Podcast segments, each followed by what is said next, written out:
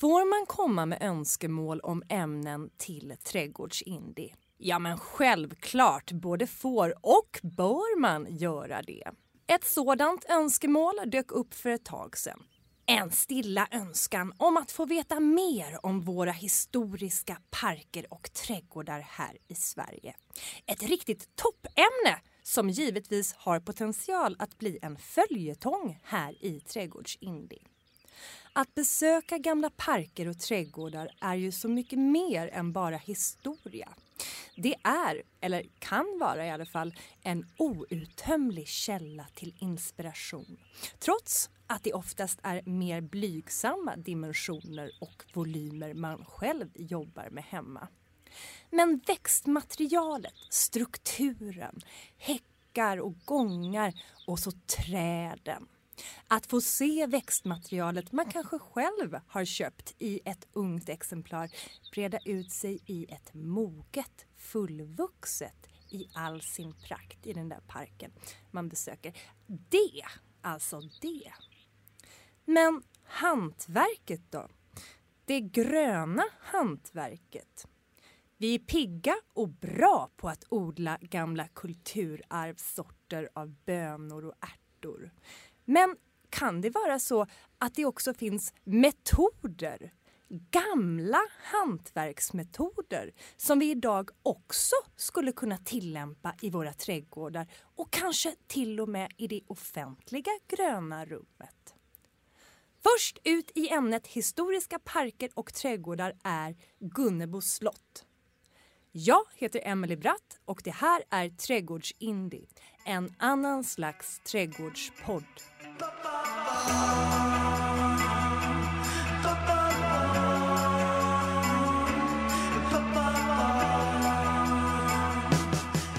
Joakim Seiler är sedan 15 år tillbaka chefsträdgårdsmästare på Gunnebo slott och trädgårdar. En av Sveriges främsta 1700-talsanläggningar. Han har i sitt drygt 20-åriga trädgårdsyrkesliv arbetat med främst historiska trädgårdar och visningsträdgårdar på bland annat Norrviken, Läckö, Botaniska och för Park och naturförvaltningen. Joakim är samverkansdoktorand vid institutionen för kulturvård sedan 2015 och bedriver en praktisk forskning i historiskt trädgårdshantverk med Gunnebo slott som hans levande laboratorium. Åh, vad roligt att du är här! Hjärtligt välkommen Joakim! Tack så hemskt mycket. Underbart! Väldigt kul att få vara här. Ah, härligt! Och du kom cyklandes, var det från Gunnebo till och med du kom cyklandes idag? Nej, nu var det från hissingen Ja. hemifrån. Eh, alltså Joakim, jag tror att jag träffade dig för första gången kanske eh, 16-17 år sedan. Eh, det var på Trädgårdsföreningen där jag hade praktik och jobbade extra i entréerna. Eh, Du höll på att inventera stadens perenner på uppdrag av Park och naturförvaltningen om jag inte minns helt fel. Stämmer det? Jo, men det, det stämmer. Alltså vilket bra minne du har. Ja! Det är så jag själv har glömt det. Det gjorde starkt intryck. Ja, men vad roligt. Eh, Det, jo, men det var ett perennprojekt för att titta på hur hur man kunde utveckla stadens eh, perennytor Ja. eh, och få ett sam, bättre samspel mellan landskapsarkitekter, parkintendenter och, och entreprenörer på den tiden som, så som det var organiserat då med skötsel och så. Spännande. Ja, jag kommer ihåg nämligen när du berättade om det att jag tyckte att det lät så himla himla roligt. Ehm, jag har alltid älskat offentlig miljö och då i synnerhet just kanske perennplanteringar. Så att jag, ja, jag var väldigt, väldigt tänd där. Ehm, och visst, alltså du, hade, hade du jobbat då som trädgårdsdesigner innan eller gjorde du det liksom parallellt?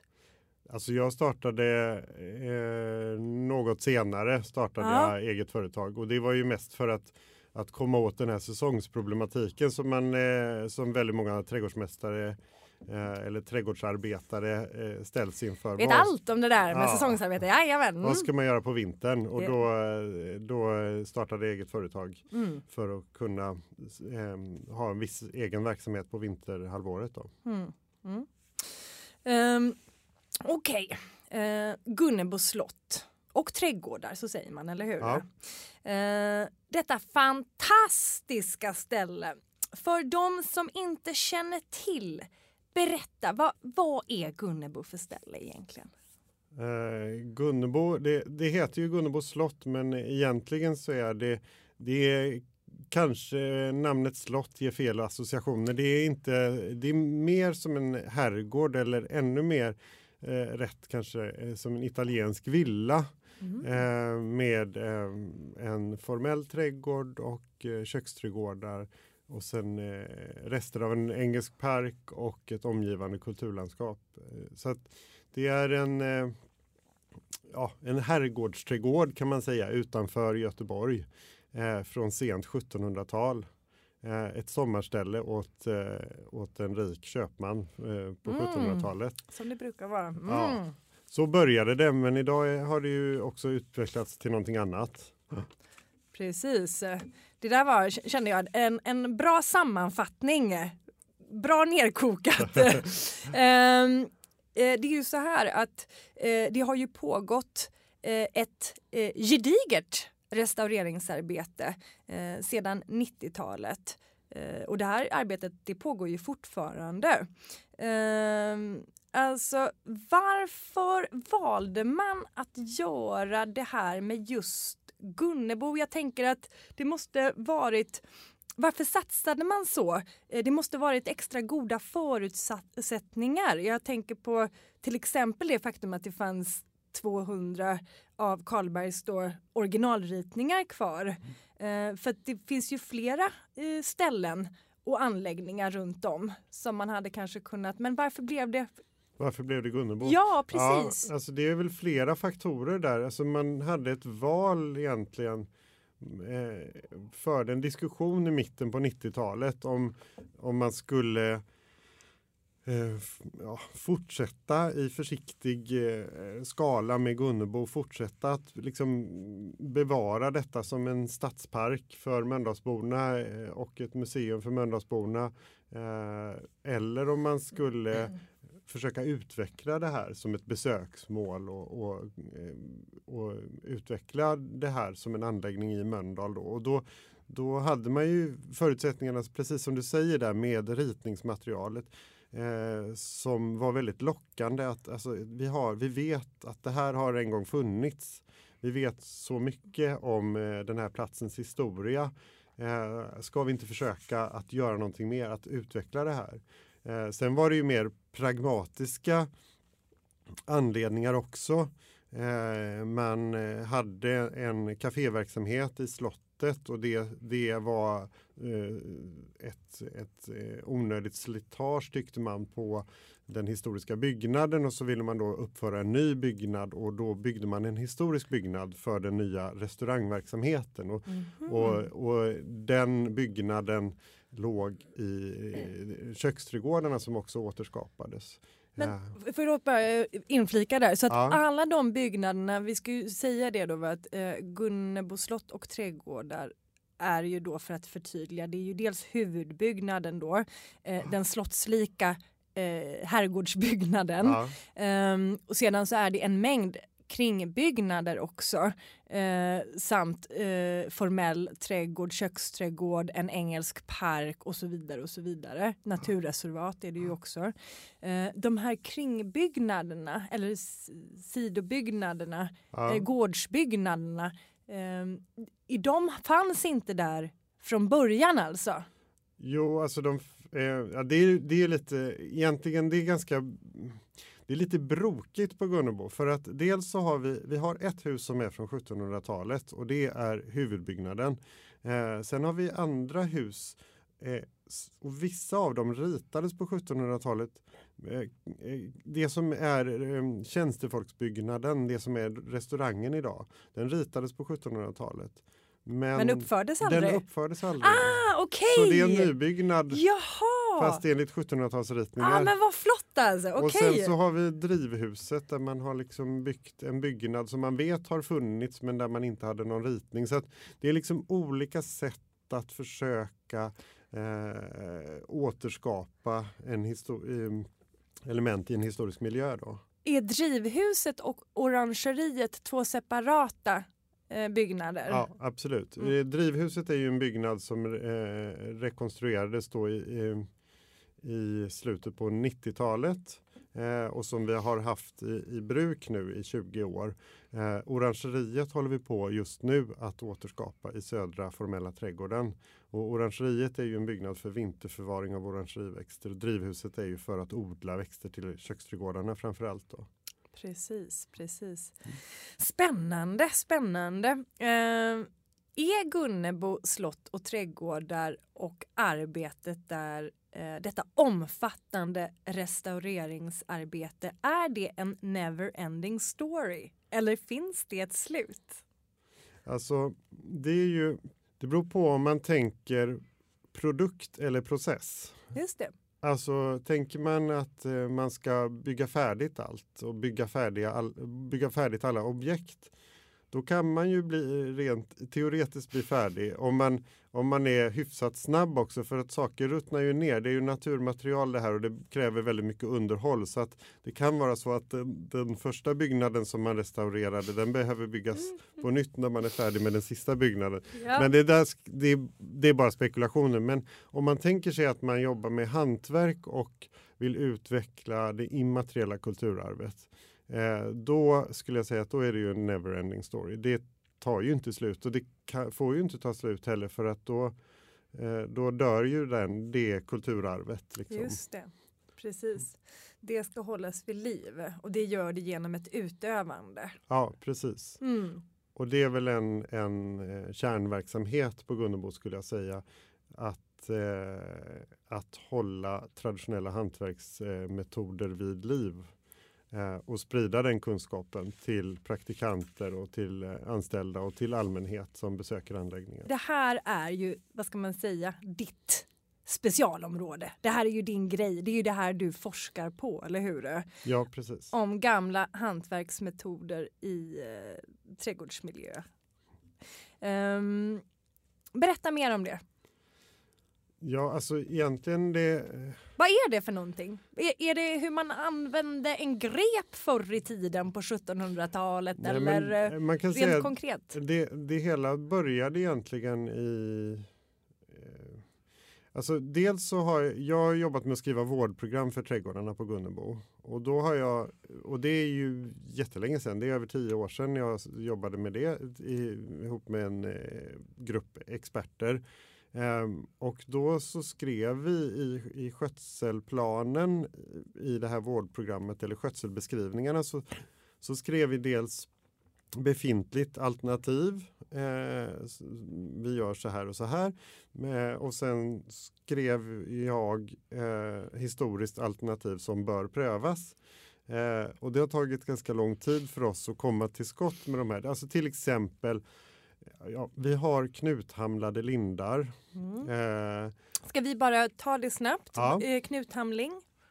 Ja, absolut. Alltså det är ju en... Eh, eh, man hamlar inte för att få eh, foder till djuren utan man hamlar för att forma växtligheten i eh, ja, arkitektoniska eller geometriska former. Eh, och ofta gör man detta i städer också för att man har planterat träd som egentligen är för stora för att få plats i gaturummet. Eh, och så klipper man dem varje år Mm. eh, för att eh, hålla en bestämd form och en bestämd storlek. Det ser ut som små blomkålshuvuden kan man nästan säga. Ja, Ehm, Eller broccoli. Eller broccoli, exakt, Ja, exakt. Broccoli är bättre, broccoli är mycket bättre. Eh, och till exempel så ser man ju det ofta på lindar då. Ja, precis. Yes. Lind är det, är det vanligaste i vårt land eh, för hamling. Då. Och då är det ju så att, eh, ja, men vi vet att Gunnebo är från 1700-talet. Eh, och vi vet också att sekatören är från 1800-talet. Aj, aj, aj! Så det är sådana där lurig, luriga grejer som, som har liksom varit utgångspunkten för eh, att, att eh, ta reda på. Alltså hur gjorde man det här arbetet som Ja. vi gör idag? Hur gjorde man det på 1700-talet? För man vet att man eh, knuthamlade på 1700-talet i detta så att säga skönhetssyfte. Eh, ja, alltså Det... jo men så här, eh, alltså, nu försöker jag ju vara lite så här, eh, eh, jag är ju trots allt doktorand så jag får ju förs försöka vara lite korrekt här. Och då skulle jag säga att vi vet att man hamlade.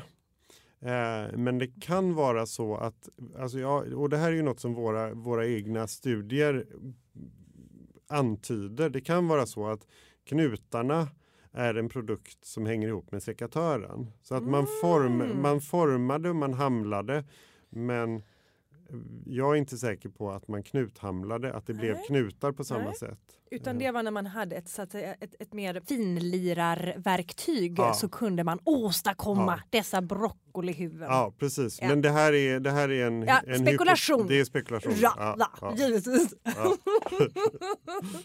Okej, men du, hur, hur, eh, hur går ni tillväga nu då när ni hamlar? Då, innebär detta att ni inte använder sekatören då i och med att sekatören kom på 1800-talet? Jo, men vi använder sekatören och vi, vi, är, inte, vi är inte så Extremist. så extremistiska att vi bara jobbar med historiska redskap. Okej. Men det som vi är intresserade, det som vi framförallt är intresserade av det är ju att pröva de historiska metoderna och ge dem en ärlig chans. Ja, okej. Och det här, är, det här hänger ihop med ehm, det här hänger ihop med eh, en slags allmän föreställning om, om eh, nytt och gammalt Mm. som vi har i vårt land eh, och, och som vi ser inom trädgårdsbranschen också. Just, alltså, när man frågar trädgårdsmästare eller, eller trädgårdsarbetare eller parkarbetare runt om i landet så om, ja men vad tror ni om den här metoden, den här gamla, det här gamla redskapet? Då är alla rörande överens om att nej, det tar för lång tid. Ehm, och, och, men det som är lurigt här det är att väldigt få eller ingen har, Har- egen erfarenhet. Just det. Det finns en allmän föreställning om att det nya är bra och effektivt och Mm. det gamla det är mindre bra och absolut inte tidseffektivt. Det finns ingen eh, vad ska man säga, eh, dokumentation på eh, att man har praktiserat det och testat liksom. Eh, jag menar hos den här moderna man frågar. Nej, Utan, precis. och, och, de, och liksom- de gamla skrifterna det kanske man inte använder på det sättet då eller du kan inte, nej det kan ju inte, ja du förstår Nej. vad jag menar. Men, nej, precis. Men, och det här är ju liksom, det är ju en sån där ehm, allmän föreställning om Mm. att de gamla metoderna är irrelevanta. Och den, Och de- och den eh, vill vi liksom... eh, Icke effektiva. Ja, precis. Mm. Eh, att de tar längre tid och det, det funkar inte idag helt enkelt att jobba på det sättet. Och den där föreställningen, alltså, vi vill ge dem en ärlig chans, vi vill pröva de här historiska redskapen och det är så att många av dem är inte tidseffektiva för oss idag och, och de är inte relevanta metoder för en framtid. Men vissa metoder kan faktiskt vara relevanta i vissa sammanhang i alla fall.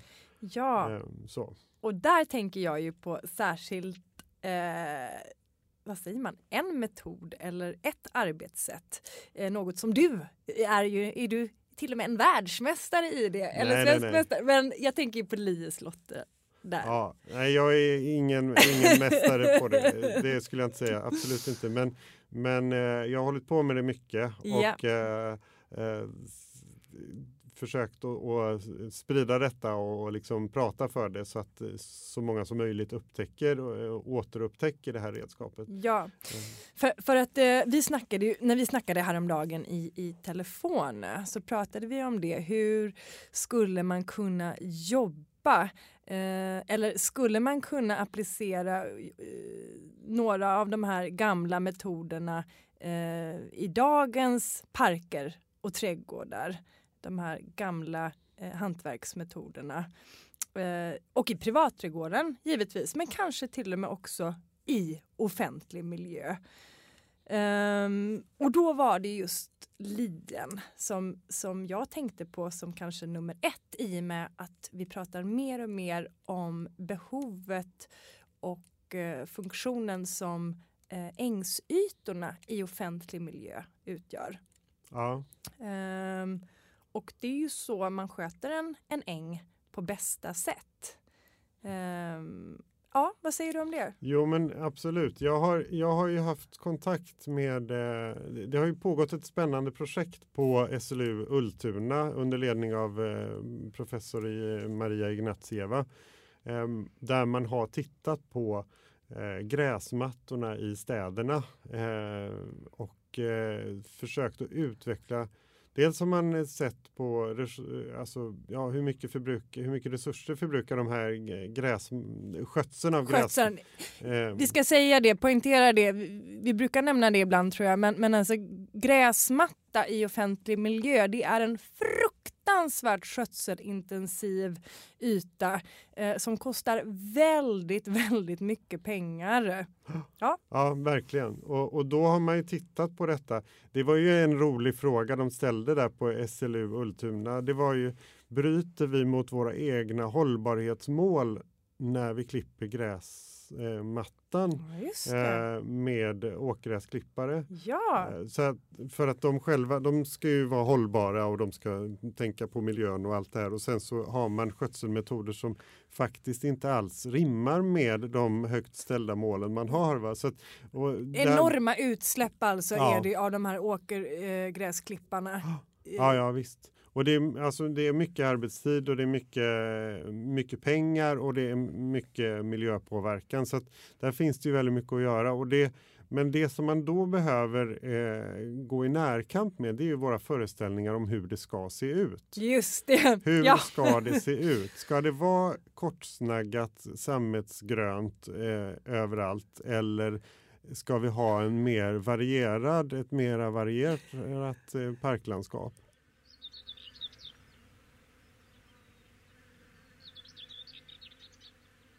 Det, det som är spännande här med, ja men om man då ställer sig frågan, jaha, det här, de här gamla metoderna, den här gamla lien, vad ska den ha i vår, i vår samtid att göra? Det som är intressant är ju att se hur, hur, vi möts, hur vi har mötts upp. Alltså, inom det här The Lawn Project på SLU Ultuna så mm. har man utvecklat olika typer av moderna eh, grässammansättningar, alltså alternativa gräsmattor. En gräsmatta för eh, skuggiga lägen, eh, en för eh, fjärilar och dekorativa artsammansättningar och så vidare. Och när du säger en gräsmatta för olika lägen, för fjärilar och för skugga och så vidare, och så vidare då tänker jag ju att det inte bara är en gräs, alltså så som man tänker sig en gräsmatta, utan jag tänker ju att det är en ängsyta. Ja, precis. Och, och det Alltså det är, de kan vara olika höga. Just det. Eh, och de har bland annat gjort en gräsmatta helt utan gräs. Alltså där är gräset, i den gräsmattan är gräset ogräs. Just det, det, det är sekundärt också... liksom, på något sätt. Ja, så det är örter, bara en örtmatta och den är så, det är så lågväxande örter så den behöver aldrig klippas. Och den är tramptålig då också, ja. för det, är det, det kommer jag ihåg eh, sen skolan då när man ritade och sådär. Så för, det var alltid kul att försöka hitta alternativ till gräsmattor men och så just att det skulle vara tramptåligt men vara något annat än gräs ja. när man gestaltade. Typ men så här, krypkåtola tänkte ja. man och så kanske det, någon slags revsmultron eventuellt. Um, uh, men, men den här då, jag tänker ju på bitar då om jag ska referera till min egen lilla äng där hemma som också ibland är kortklippt. Rölläcka är, blir ju väldigt bra tänker jag. Ja. Eller hur? Ja, det är en... Jävligt tramptåligt, tätt och ja. alltså jag har sett ytor som nästan bara består av liksom snaggad rölläcka. Ja, precis. Eh, och särskilt en sån här eh, torr sommar så är det det enda som överlever är rölläckan. så den är, den är bra. Den, och ja. den, nästan lite Eh, alltså det finns i, i England jobbar man ju ganska mycket med lawn kamomill, alltså eh, en, en kamomill som man eh, använder istället för gräs. Eh, och det, har, det, är också historiskt, att det har man gjort i flera hundra år. Eh, och eh, röllikan är ju lite påminner ju lite i bladverket. Om man nu bara tänk, om man tänker bort blomma och stängel mm. och allt det här mm. och bara tänker på de här bladen så är så är ju röllikabladen lite kamomillliknande. Mm, Eh, så, och de är extremt torktåliga. Mm. Så. Eh, men det, här, det som blir spännande här då det är ju att man utvecklar nya, man designar nya typer av gräsmattor och sen när, mm, när de inom The Lawn Project har designat de här nya typerna av gräsmattorna så vänder de sig till mig på Gunnebo med min lie för att hitta en skötselmetod. Och här blir det då ett möte mellan, mellan det nya och det gamla. Va? Just det. Eh, och den nya gräsmatta som de eh, utvecklar den har väldigt mycket att göra med gräsmattan så som den såg ut på medeltiden kanske. Den var mycket mer blomrik, den var inte så kortsnaggad hela tiden. Den var, alltså, Just så att- det. så att det, är, det är dumt att stänga dörren till historien eh, och inte det. lära sig av historien och inte ta upp det. Och sen kan man då applicera vissa metoder. Man kan ta med, ja, pröva vissa historiska metoder. Och, och här är, så det är lite roligt att kunna ta det historiska redskapet och och det blir en bra komponent i den här nydesignade gräsmattan. Kan man säga så här, alltså, det blir ett möte mellan vegetationen och eh, det gamla hantverket. Ja, det kan man sätt. säga. Ja, Mm. Absolut. Och sen i publika miljöer så, så får man ju tänka på andra aspekter också. Alltså hur... Om man nu, som på Gunnebo till exempel, då, då har vi ju en målsättning. Alltså våra mål är historisk trovärdighet och förstklassigt hantverk och, och hållbar utveckling. Eh, och då kan man ju hela tiden fråga sig, tar den här metoden oss närmare? Tar, om jag går ut och gör det här, kommer Mm. vi närmare våra mål då? Eller kommer vi längre ifrån? Eh, och då går jag ut med en trimmer. Och vad är målet? ja, bara... må, målet är historisk trovärdighet, hållbar Just det. utveckling, förstklassigt hantverk. De lätta målen där. Ja, precis. Nej, men alltså, och då, då kan man ju pröva alla sina arbetsmetoder eh, Mm. mot de målen. Kom, är det här en arbetsmetod som tar oss, tar oss åt det här hållet eller inte? Så får man väga det helt enkelt. Ja. Och ut, utvärdera och, och väga sen kanske. Precis. Mm. För det är oftast kanske inte svart eller vitt. Nej, det är det ju inte. Nej. Mm. Ja men eh, intressant alltså. Ehm, och, och jag vet ju att eh, just när vi snackar om de här ängsytorna, vi ska ju göra ett ängsspecial har jag ju tänkt här för vi pratar så ofta om ängar, eller hur? Härligt. Hade inte det varit härligt? Det hade varit underbart. Du kanske får Verkligen. komma tillbaka då. Det är kanske du som ska hålla i det.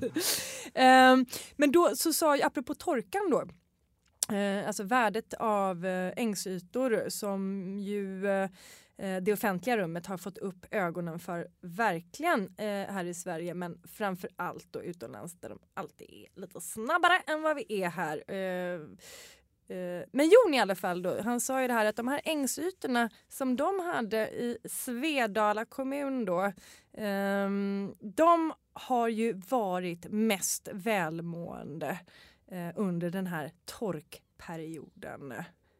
Utan tvekan alltså. Ja, ja, ja visst. Och det är ju alltså en gräsmatta är ju en abnormi, abnormitet. Alltså det är ju inte någonting Nej, inget det, det är ju naturligt inget- med det Det är ju överhuvudtaget. inget naturligt landskapselement. Nej, just det. Utan det är ju väldigt konstruerat och det klarar sig inte själv utan det blir ganska fort. Om vi inte håller på och pysslar om det hela tiden så blir det fort någonting annat. Men det, Eh, jag måste så. bara fråga, när kom den då? Om vi pratade om liksom Rolls Royce gräsmattan, eh, green, gr, greenen, greenen, greenen, vad säger man egentligen? Golfgreenen? Alltså, ja, gräsmatta, det kommer ju, i Sverige kommer det sent, det kommer under 1800-talet. Man pratar i början av 1800-talet om gräsplaner. Just eh, det, för engelska utö... gräsplaner och så. Okej. Eh, så att, eh, men det går ju att komma tillbaka till, jag tror att eh, Alltså det, gräsmattan, den kort, kortklippta gräsmattan hänger ihop, eh, ofta har den hängt ihop med sport. Eh, alltså man ska spela eh, bowling, alltså man vill ha en bowling green. Eh, och då har man eh, kortklippt gräs. Så det var från början liksom ett, funk ett funktionellt syfte. Kan Ja. man säga det? Det har aldrig varit ett, som sedan kanske blev också ett eh, skönhetsideal för oftast så kanske det Ja. det, det blir på det sättet. Men från början så var det inte, från början så var det funktionen Alltså, som var... jag, jag, vågar inte, jag vågar inte säga det bestämt. Alltså, det där är eh, där de tvistade lärde kan man säga. Det, Mm. det, det vet vi inte säkert. Just men det, det. finns en det finns väl en bowling green kvar från 1200-talet i Skottland! Skottland som finns kvar än idag. Va? Just Eh, det. så att det går väldigt långt tillbaka i historien. ja. Eh, att man, och det blev väldigt på modet under Ja. 1600 och 1700-talet så, så skulle man spela eh, bowling på, på de här bowling greens. Då. Just det. Så att då kommer det och samtidigt så vet vi också i, i de beskrivningarna från 1600 och 1700-talet av hur man ska anlägga en gräsmatta så säger man att man ska gå ut och hämta, man ska skära ut de finaste styckena på fårbetesmarken där fåren har betat riktigt hårt. Va? Och då ser man, och där tror jag också, det är inte bara att liksom, ja men det är, det är smidigt att göra på det sättet utan det är också det estetiska idealet. Kanske har vi här liksom men då eh, måste en, den ha varit örtrik. ja, ja, den biten, Ja, det för är att en det- helt annan gräsmatta. För betes, för då, det måste vi addera Ja. då, alltså en, en, en yta som betas av fåren som betar nära marken. Alltså det, det är gynnsamt för örterna. Eh, det blir en örtrik flora. Ja, verkligen. Det blir en helt annan gräsmatta med, med eh, alltså, örter som, eller växtlighet som tål, tål den här hårda behandlingen. Va? Att, eh, att snaggas så. Och det, de, örterna gynnas verkligen Ja. eh, av det. Många, många örter eh, gynnas av av fårbetet. Mm. Eh, så att, och jag tror ju att det här har vi ju inte bara en ehm, här har vi inte bara liksom en, en funktionell beskrivning av hur man ska anlägga en gräsmatta utan också lite grann ett ideal. Man har sett det här ute i landskapet och man Just har det. tyckt att det varit snyggt och så har man plockat in det i trädgården. Ja men Just det. kolla det här, det här var ju himla snyggt. Och så skär man ut det och så bär man hem det till trädgården och så lägger man det där. Jag vill ha den där gräsmattan. Ja, ja vi har ju testat nu att flytta en sån här fårbetesmatta in i trädgården på Gunnebo Mhm. för att liksom se vad, vad blir det för gräsmatta av det då? Åh! Eh, och det har vi gjort ganska nyligen och så har vi haft en extremt torr sommar så än så länge ka, ka, har vi inte några rättvisa resultat. Vi kan inte säga så mycket om det men, men framöver så kommer vi kunna eh, studera det här lite närmare då. Just det. Shit, så det är ett av era pågående projekt då av alla, alla projekt ni håller på med. Denna Ja. 16, det, återskapandet av denna 1600-tals Ja, gräsmatta precis. med utskurna eh, fårtuvor eller vad Ja, jag ja, ja, visst. Ja. Och det ju, handlar ju lite grann om att, att ja, vi går ju längre och längre med våra historiska studier. Och, Mm. och vi har sedan 2012 så har vi hållit på att slå gräsmattor med lie.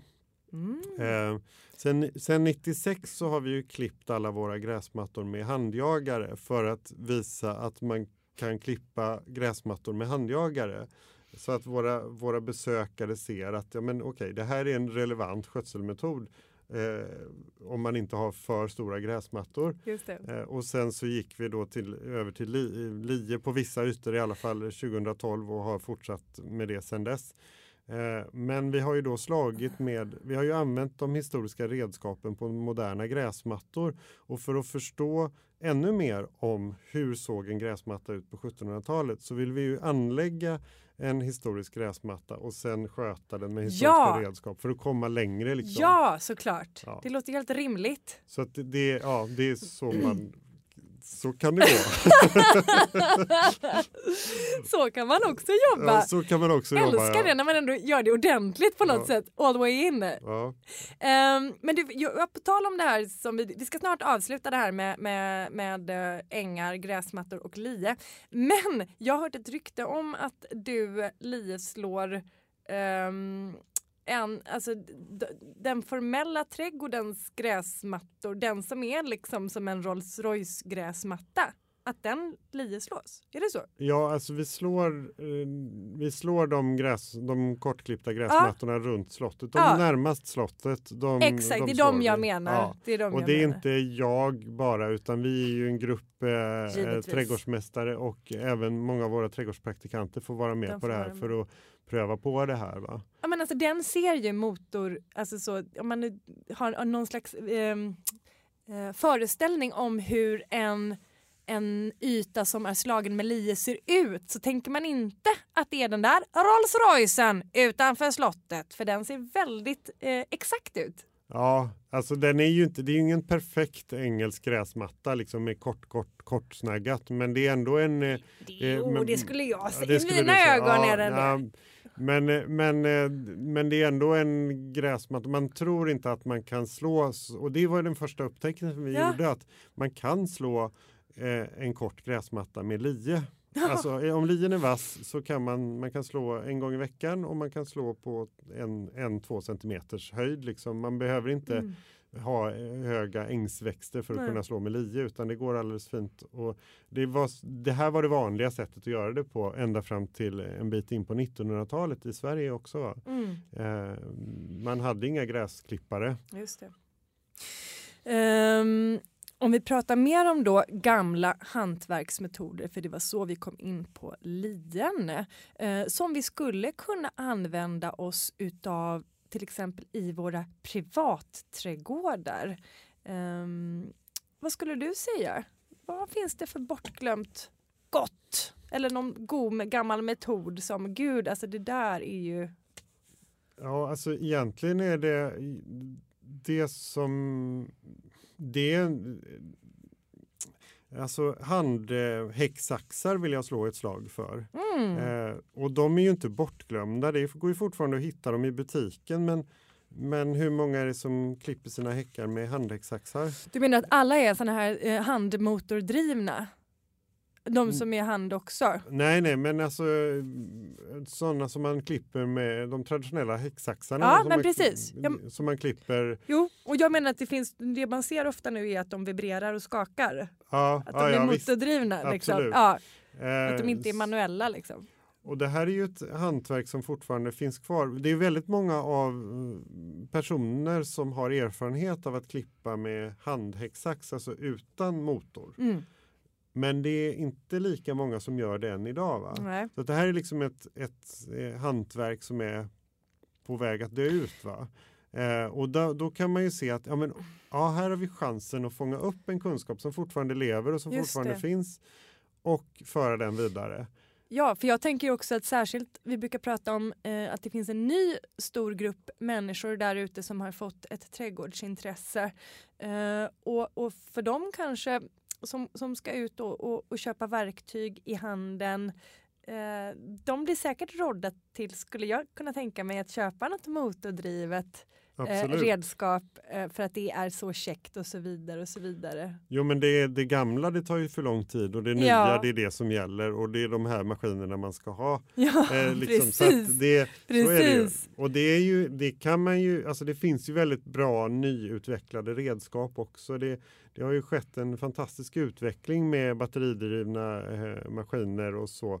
Eh, så att det finns ju väldigt många bra nya redskap också. Men, eh, men, men om man har en liten häck eller några buxbomsklot så be man behöver inte köpa in en maskinpark för att liksom, Nej, eh, hantera det här utan det kan räcka med eh, en handhäcksax.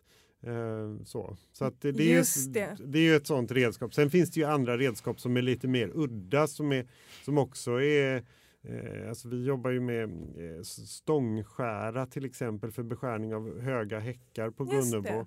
Eh, eller eh, ett redskap som jag inte har hittat något svenskt namn på. Men stångskär, det menar du en sån som sitter på en stång eller? Ja, man sätter precis. Det är en, mm. en skära på nå... ett långt skaft. Precis. Så vi slår eh, häckar som är tre meter höga till oj, exempel oj, oj. Med, med det redskapet. Och det gör vi än så länge inte Eh, alltså vi gör tester med detta för att pröva ut de historiska redskapen. Mm. Och så. Mm. Men det, det är förvånansvärt många redskap som eh, som faktiskt är effektiva. Mm. Eh, och som, det tar inte jättelång tid och det blir ett bra resultat.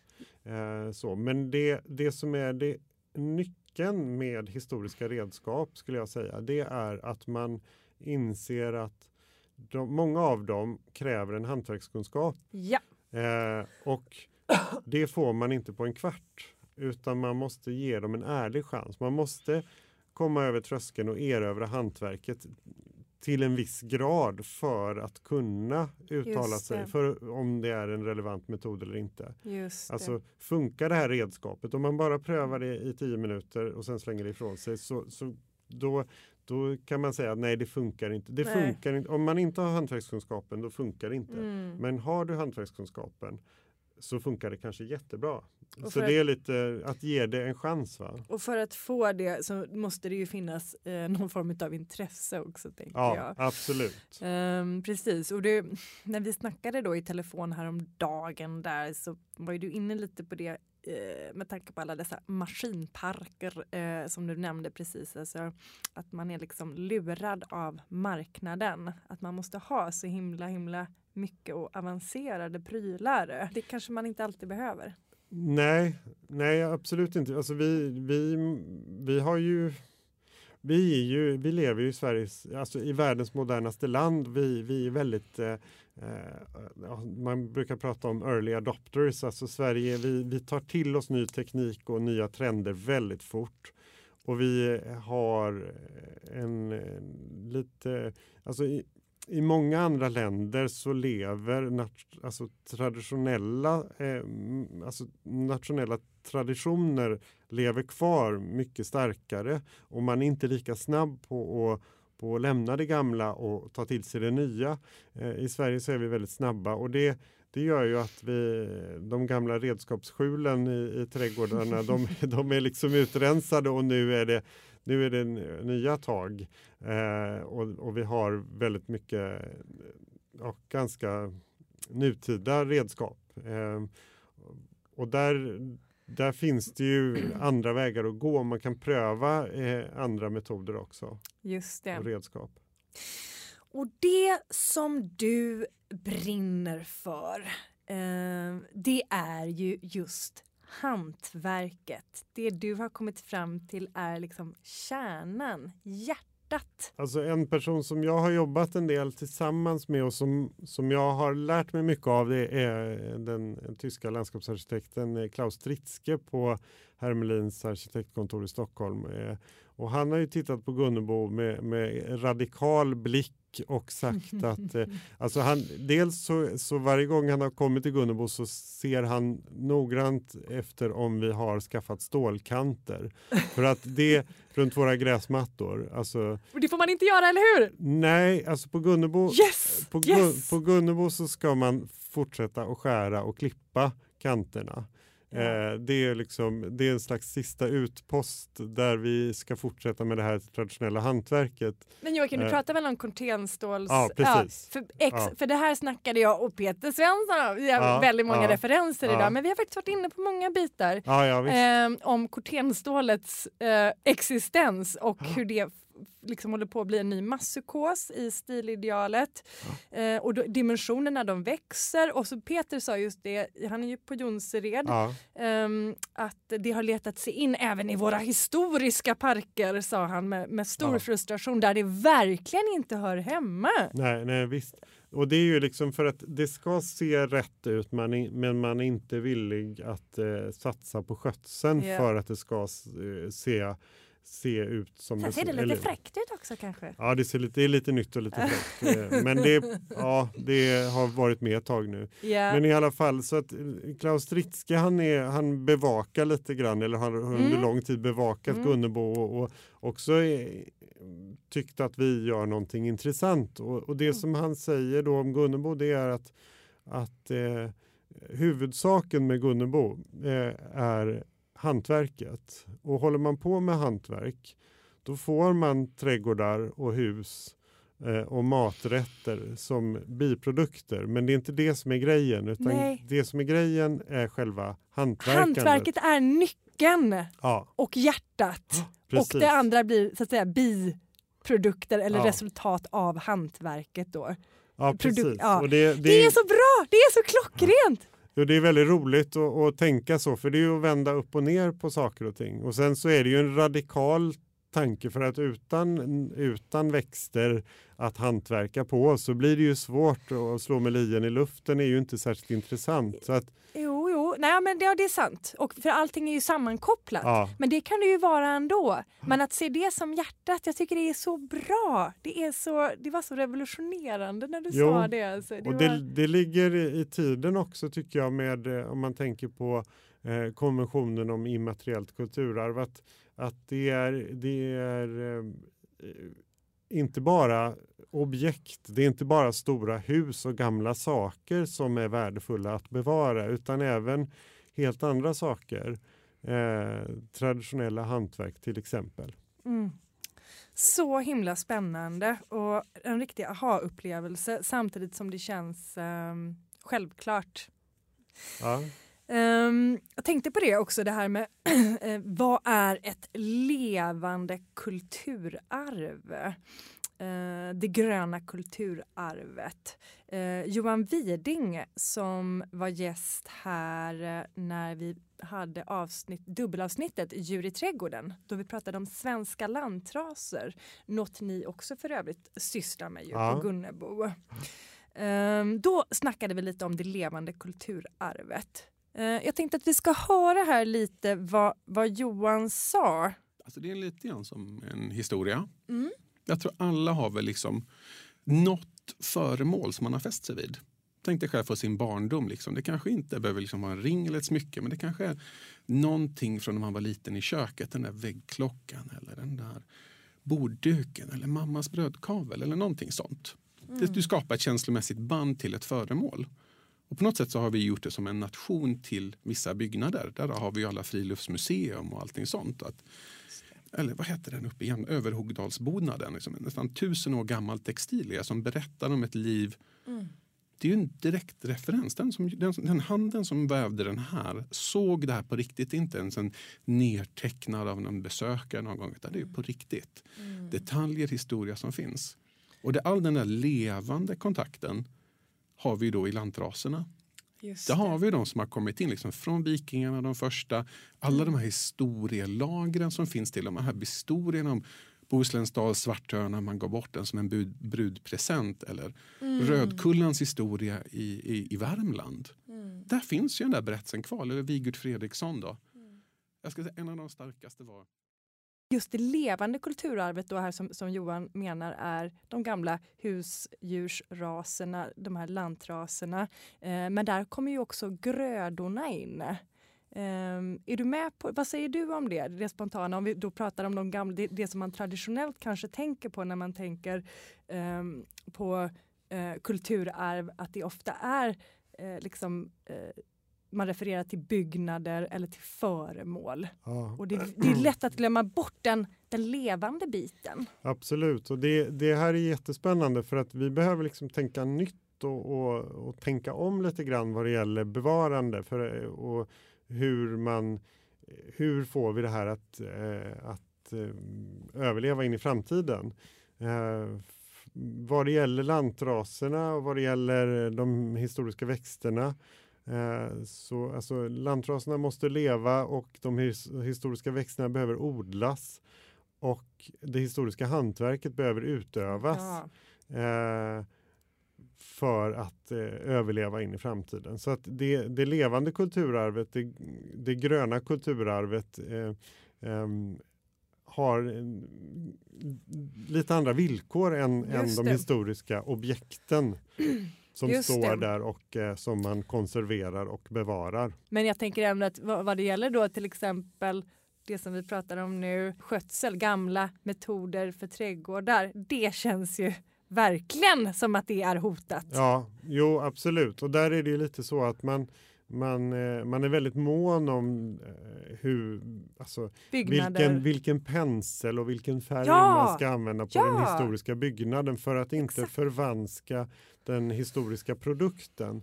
Men när man går ut i en trädgård så kan man ta vilken metod som helst och sköta den och man det. tänker aldrig det finns inte en sån eh, föreställning om att Nej. våra metoder förändrar den här Just det. historiska trädgården Just till det. någonting helt annat. Och Alltså, landskapsbilden också ja, för den delen. om vi håller på med den här metoden i hundra år, vad får vi för trädgård då? Mm. Vad, vad blir det då av det? Mm. Eh, så det är ju lite, det finns flera intressanta aspekter här som är mm, typiska för trädgård skulle jag säga. Och, och det, en annan sak är ju att eh, trädgård förändras. Eh, och, och det gör ju, alltså, ska man, ja, hur ska man bevara något som är i förändring? Något som lever och något som förändras. Just det. Eh, och där, där har vi det som, eh, ja, att om, det är ju, nu slä- slänger jag mig med sådana här engelska termer igen, men man pratar om management of change, att, att, att jobba med att eh, bevara någonting som, Som som, är- är, under förändring. Förändring, ja precis. Och målet är inte att frysa och konservera någonting utan målet är förändring. Mm, Och att förändringen ska gå i en viss riktning. Alltså man, ska, man ska påverka den här förändringen så att den, den ligger i linje med det, det som man har som mål. det blir, Ja, det blir filosofiskt nu, det blir, blir faktiskt lite, men Ja. härligt ändå. Eh, härligt och svårt. Ja. Svårt att visualisera. Eh, för just om vi ändå pratar om en historisk miljö där vi på något sätt som vi ju Ja. faktiskt vill konservera och vi vill sköta, vi vill få det till, vi vill ju utöva de metoderna som man gjorde och försöka hitta det uttrycket som vi till och med inte riktigt vet. Vi, jag kan bara gissa liksom. Ja, Men genom att, och så samtidigt då så ska det också vara föränderligt och jag tänker väl mer att det är föränderligt kanske på grund av att eh, individer och då menar jag gröna individer, så pratar jag alltså om växtmaterial. Alltså att de får en mognad och får en ålder och det är klart att det blir ju väldigt eh, blir väldigt klart och tydligt att det då är föränderligt. mm. Eh, den nyplanterade eh, lilla exemplaret mot eh, det hundraåriga exemplaret. Ja. Givetvis så förändrar det bilden men det ser inte jag som den förändringen som du pratar om för det låter ändå som att det är någon slags samtids eller målet med vad det nu är man ska åstadkomma. Att då, då, att, ja, det blev väldigt luddigt här. Är du med? ja, Men, men på det sättet tyck, så är det ju självklart föränderligt. ja. Men jag tänker att du kanske var ute efter något annat. Jag vet inte. Nej men alltså man ska inte vi, som trädgårdsmästare så lever man ju i kaos på något sätt upplever jag. Det, det är, eh, man hanterar vädret, man behöver hela tiden vara eh, man behöver hela tiden kasta om sin planering, man behöver hela tiden tänka om. Mm. Och, och, och man behöver hela tiden hantera någonting som lever och förändras. Eh, så man, man har en långsiktig idé och en långsiktig tanke men Ja. samtidigt så måste du hela tiden anpassa dig. Va? Det, det är också det är levande och det är organiskt Ja. på ett sätt som som jag kallar då lite styggt kanske byggnaderna och föremålen är ju döda. Ja. Medan nu pratar vi om levande material, levande. Ja. Det finns ingenting, du kan inte jämföra ditt gamla slott med det här Nej. levande trädet. Alltså lite så va? Eller? Nej, precis. Eller är jag stygg då? Nej men det, det, Eller är- det det, det är bra, man behöver vara lite man behöver vara lite övertydlig för att se att ja, men här har vi någonting Mm. som, har, som vi börjar värdera allt mer, Mm. och allt högre och som, som kräver ett helt annat tänk än de här gamla husen. Vi behöver tänka annorlunda kring det, det levande och Ja. hur man bevarar något som lever. Ja, here here!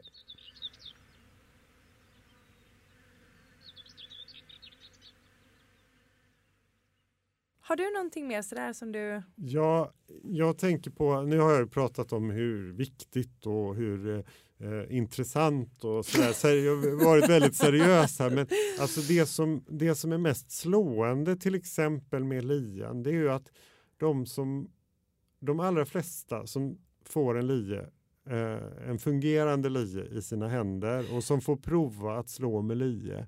Det är nästan, alltså det kommer ett leende Ja. och det är väldigt svårt att få dem att sluta slå. Alltså det är fantastiskt roligt att hålla på med de här eh, redskapen.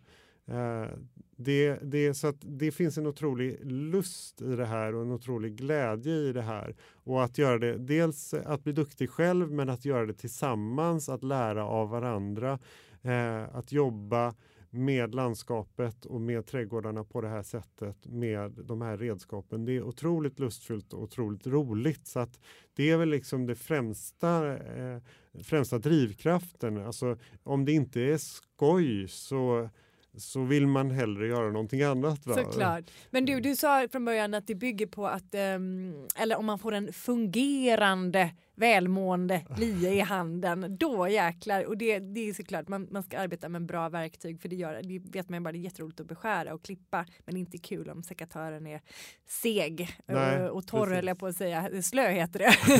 och man, eh, man inte får några fina snittytor, då är det ju fullkomligt vidrigt. Ja. Eh, men eh, ska man då åka och köpa en lie på affären och eh, åka och slipa den, det är många som inte vet att verktygen kanske inte är slipade alltid när man köper dem, eller hur är det med det? Nej, eh, alltså vad det gäller liar så har vi vi på Gunnebo och, och, många andra faktiskt i, i, Sverige har ju övergett slipliarna mm eh, och gått över till knackliar. Alltså, för att det enda som man kan hitta i... Vad är skillnaden? Ja, nu blir det lite, nu blir det blir lite nörderi igen. men, men alltså en sliplie är ett hårdare stål. En traditionell svensk lie eh, är gjort med ganska hårt stål och den är gjord för att slipas. Den ska, eh, man slipar upp äggen på en slipsten. Yep. Eh, I nästan hela resten av världen så knackar man och då betyder mm -hmm. det att mhm. man, man kallsmider, man ham, sitter och hamrar på lieäggen yeah. och får den med hammarslagen så gör man så den väldigt gör man vass. skarp, okay. ja. yeah. Och det är ju då ett mjukare, mer elastiskt stål som tål den behandlingen. Skulle man Just knacka det. på en sliplia så skulle man spräcka, Just så skulle man slå flisor av, av äggen. Yeah. för att det är så hårt. Men det här elastiska, lite mjukare stålet, det tål att man, man eh, slipar genom att knack, eh, hamra på det. Då vi får ju göra oförskämt mycket reklam här eh, om vi vill. Eh, och det är härligt därför att det finns ju så mycket redskap där ute som vi har snackat om och det finns så mycket produkter i och med att vi lever numera i ett land som är väldigt trädgårdsintresserat så har ju marknaden givetvis utnyttjat detta.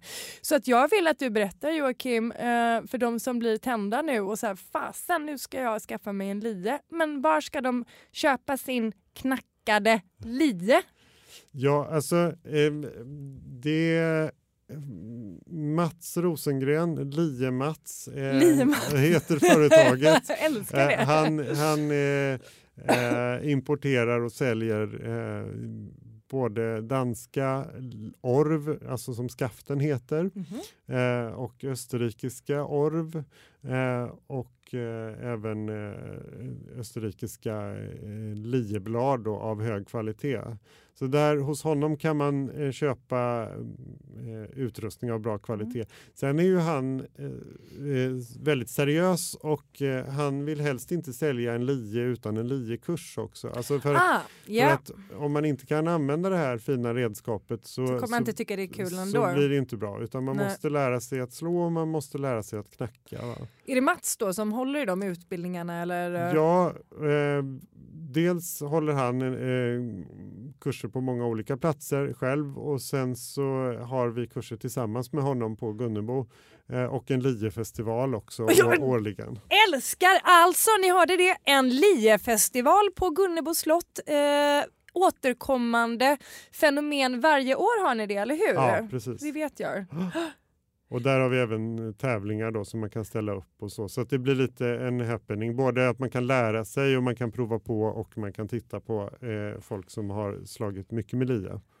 Underbart! Håller du också håller du några privata kurser? I LIA? Nej, det gör du inte. Nej, jag är mer assistent. Ja. Alltså, jag är med och håller i kurser men jag ja. håller inte kurser själv. Nej. Det. Och det är lite så att jag skulle vilja säga det att de, de som är riktigt duktiga på att slå med lie, de, de kanske jobbar med detta på heltid. Mm eh, lie-entreprenörer som där man slår flera månader om året dagligen eh, hela dagarna och då blir man väldigt, väldigt duktig. Mm. Eh, vi trädgårdsmästare, eh, vi slår eh, några gånger under säsongen eh, med lie och några timmar.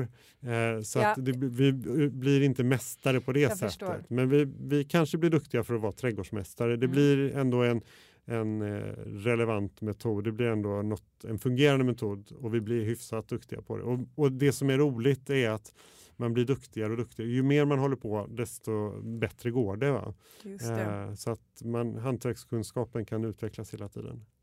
Just det. Och då blir det roligt. Då blir det väldigt Det roligt. blir bara roligare och roligare.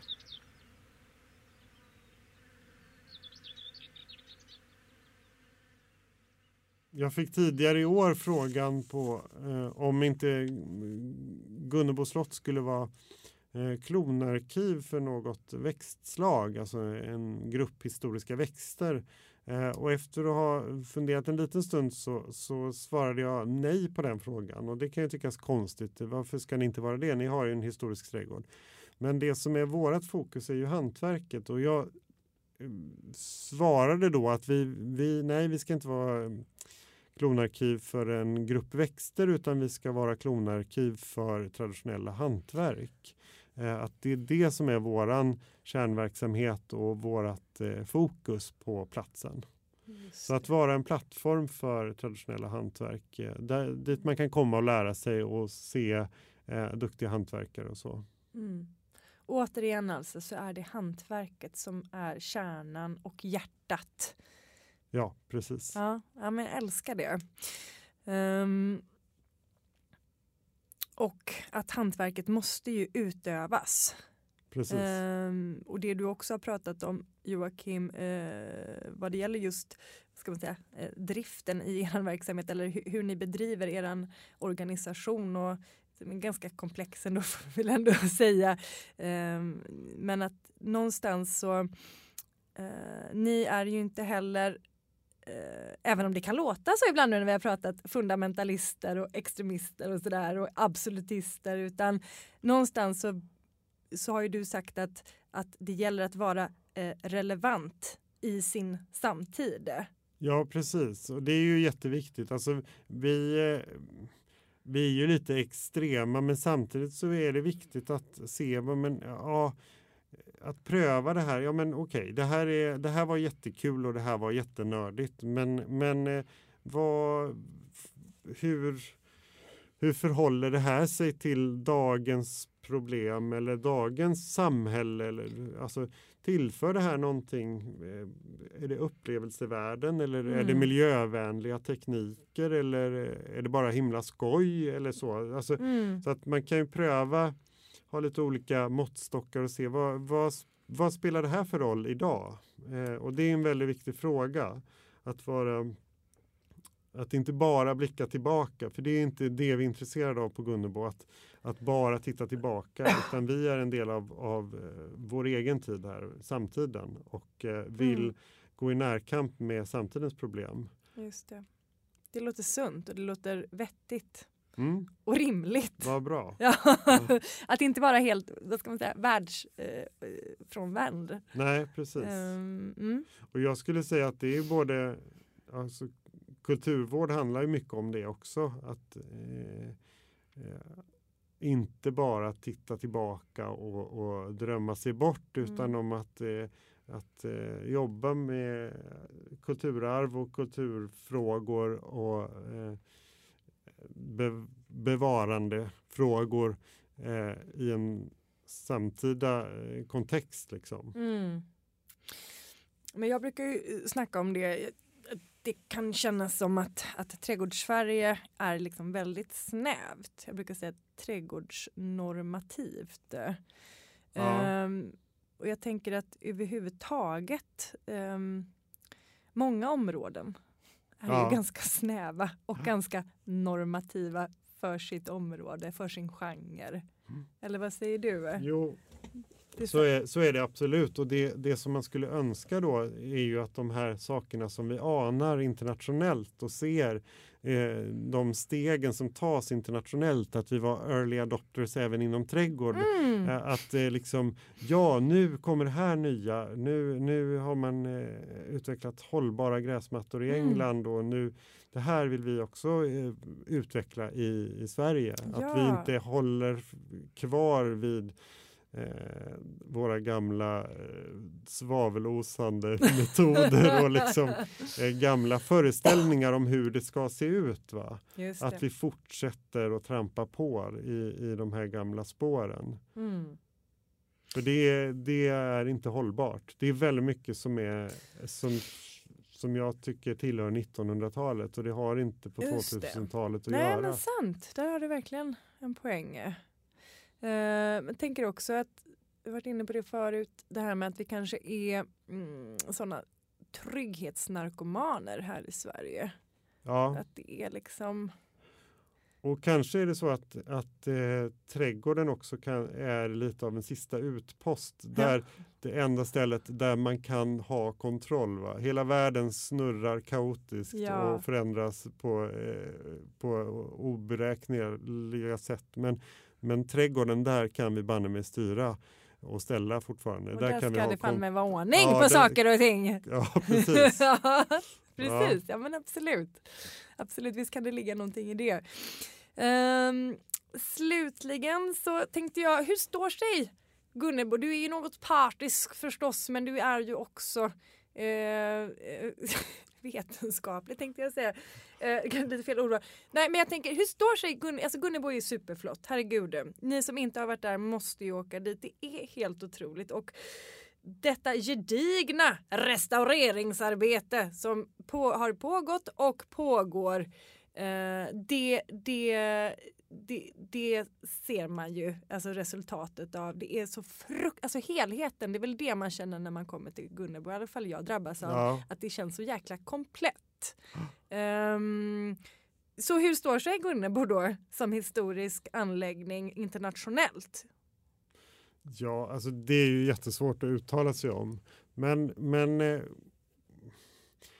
det är en, en eh, intressant anläggning. Alltså den, den, är, den är fin på sitt eget sätt och vi har ju valt en annan väg med, de här, med den här hand, hantverksmässiga inriktningen så har vi valt en egen ganska tydlig eh, inriktning och väg. Och, eh, Vad säger de om det? Är det speciellt att jobba på det sättet även för, Ja, det för, för stora trädgårdsländer utomlands? Jo, men det är, det, Det är ofta extremt. jagar man tid och pengar Ja. och man tänker inte på att man ska pröva historiska hantverksmetoder. eh, Nej, man, Inte ens i England gör man nej, det. Nej, det kan man göra i vissa sammanhang och kanske mer i privatträdgårdar. Mhm. Eh, att eh, man fortfarande klipper häckar med handredskap och sådana saker. Men, men annars är det liksom eh, rationella maskiner och Mm. metoder och man tittar mycket på klockan. Liksom.